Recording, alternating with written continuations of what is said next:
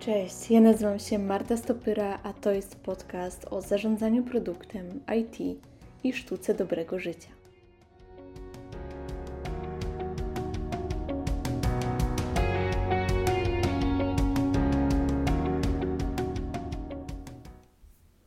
Cześć, witam Cię bardzo serdecznie. Z tej strony Marta Stopyra. Witam e, Cię w kolejnym odcinku, który będzie poświęcony produktowej stronie zarządzania. Będziemy dzisiaj rozmawiać na temat strategii go-to-market. Co bardzo ważne, ten odcinek jest ściśle związany z odcinkiem dotyczącym strategii wzrostów produktu i tego, w jaki sposób powinniśmy te strategie dobierać, a także tak zwanego product-led growth, czyli wzrostu, który jest kierowany, sterowany za pomocą produktu. Jeżeli nie słuchałeś jeszcze tych dwóch epizodów, tych dwóch odcinków, to koniecznie do nich wróć, tak abyś mógł, abyś mogła dzisiaj w pełni uczestniczyć w dyskusji na temat strategii Go to Market. Jeżeli chodzi o dobór tej strategii, o określenie właśnie planu działania, który pozwoli firmie docierać do swoich klientów docelowych i osiągać zyski, to bardzo ciekawym frameworkiem jest w tym kontekście framework Mode. Framework, który w swojej książce Product Led Growth właśnie proponuje Wes Bush. Jest to framework, który pozwala nam podjąć odpowiednią decyzję, decyzję, która będzie oparta w, o cztery kryteria.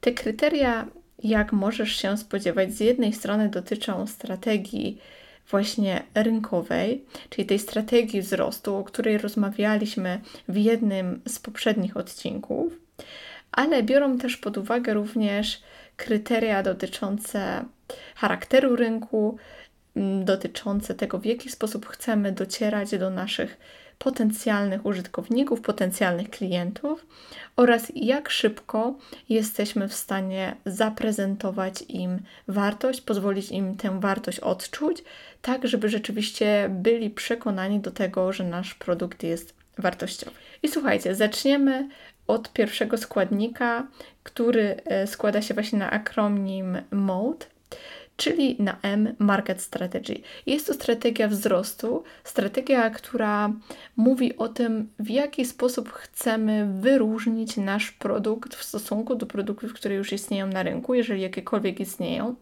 I tutaj dla przypomnienia bierzemy pod uwagę czynnik finansowy, czyli jak dużo nasze usługi kosztują, w stosunku do tego, jakiej jakości i jakie zadania pozwalamy za pomocą naszej aplikacji spełniać, czyli również jak wyglądają nasze usługi. Możemy tutaj posługiwać się strategią dominującą, czyli strategią, która mówi o tym dawaj więcej za mniej. Jest to w zasadzie brzmi to jak taki gotowy przepis na sukces. Natomiast nie tylko ta strategia może nam się przydać, ponieważ możemy mieć również strategię zróżnicowaną.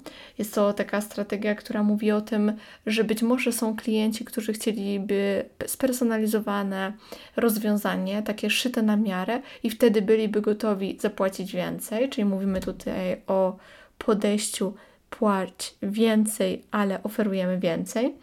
Może być również strategia disruptive, czyli w takim wolnym tłumaczeniu na pol język polski właśnie strategia przeszkadzająca, czyli taka, która mówi o tym, że są klienci, którzy w zasadzie nie oczekują tego wszystkiego, co otrzymują w tym momencie, a jednocześnie nie chcą właśnie tyle płacić za te usługi, czyli chcieliby płacić mniej za gorszej jakości usługi.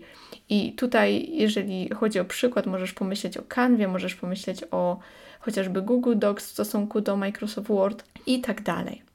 Mamy jeszcze strategię dyskretną, strategię, która jest najmniej intuicyjna.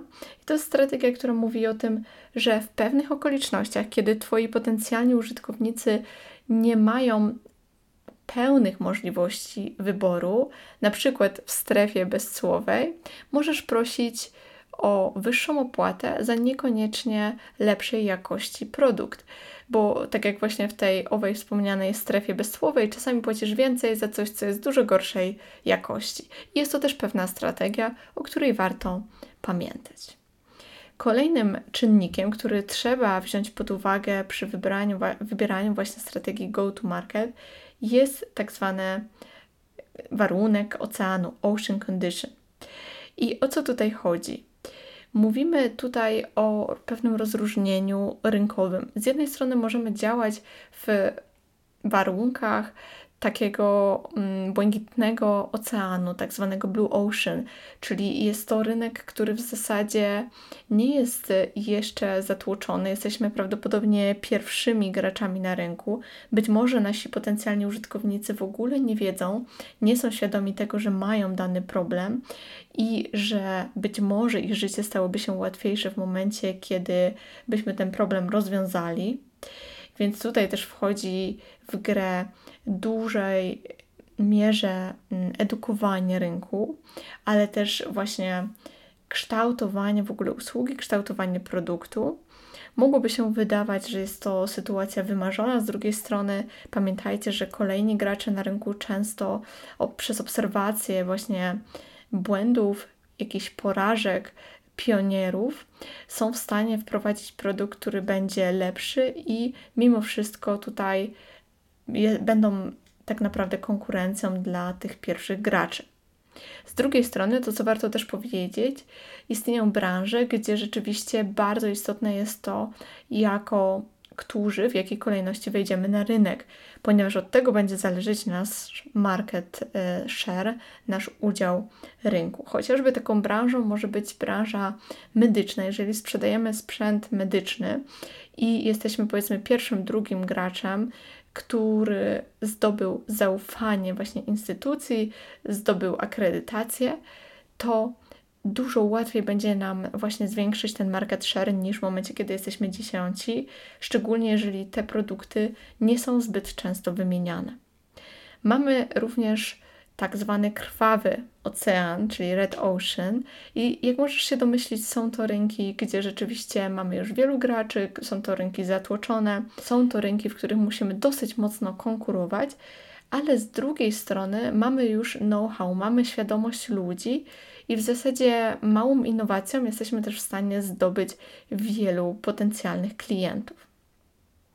Jeżeli chodzi o podejście sprzedaży, to często właśnie to podejście kierowane produktem, czyli product-led growth, jest spotykane w strategii krwawego oceanu, natomiast jeżeli chodzi o Blue Ocean, częściej spotykamy się właśnie sales-led growth, ponieważ musimy właśnie edukować, musimy również pokazać tę wartość nie będzie takiej sytuacji, że od razu wszyscy będą wiedzieć o co chodzi i prawdopodobnie nie od razu każdy dostrzeże problem, który w ogóle chcemy rozwiązać. Kolejnym aspektem, który należy wziąć pod uwagę, jeżeli właśnie chodzi o strategię go-to-market, to strategia dotarcia do naszych potencjalnych użytkowników. Przepraszam Cię, jeżeli słyszysz w tle psa, który właśnie zaczął szczekać, ale no właśnie tak się zdarza, że często pojawiają się jakieś czynniki typu remonty i inne rzeczy, których nie jesteśmy w stanie przewidzieć. Na szczęście dzisiaj nie jest tak źle i mam nadzieję, że wszystko dobrze będziesz słyszeć i że będzie to zrozumiałe. Wracamy więc do naszych potencjalnych użytkowników, potencjalnych klientów i do tego, w jaki sposób jesteśmy w stanie do nich dotrzeć. I to właśnie od tego aspektu powstała literka A jak audience, czyli właśnie nasi odbiorcy.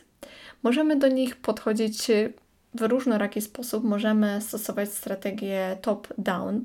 Jest to strategia odgórna, gdzie kontaktujemy się zazwyczaj z osobami decyzyjnymi, z osobami, które stoją na czele przedsiębiorstw, na czele firm i to z nimi rozmawiamy aby wprowadzić dany produkt. Takie podejście oczywiście dla organizacji ma swoje plusy, dzięki temu możemy dbać o właśnie jednolitość wprowadzonych rozwiązań.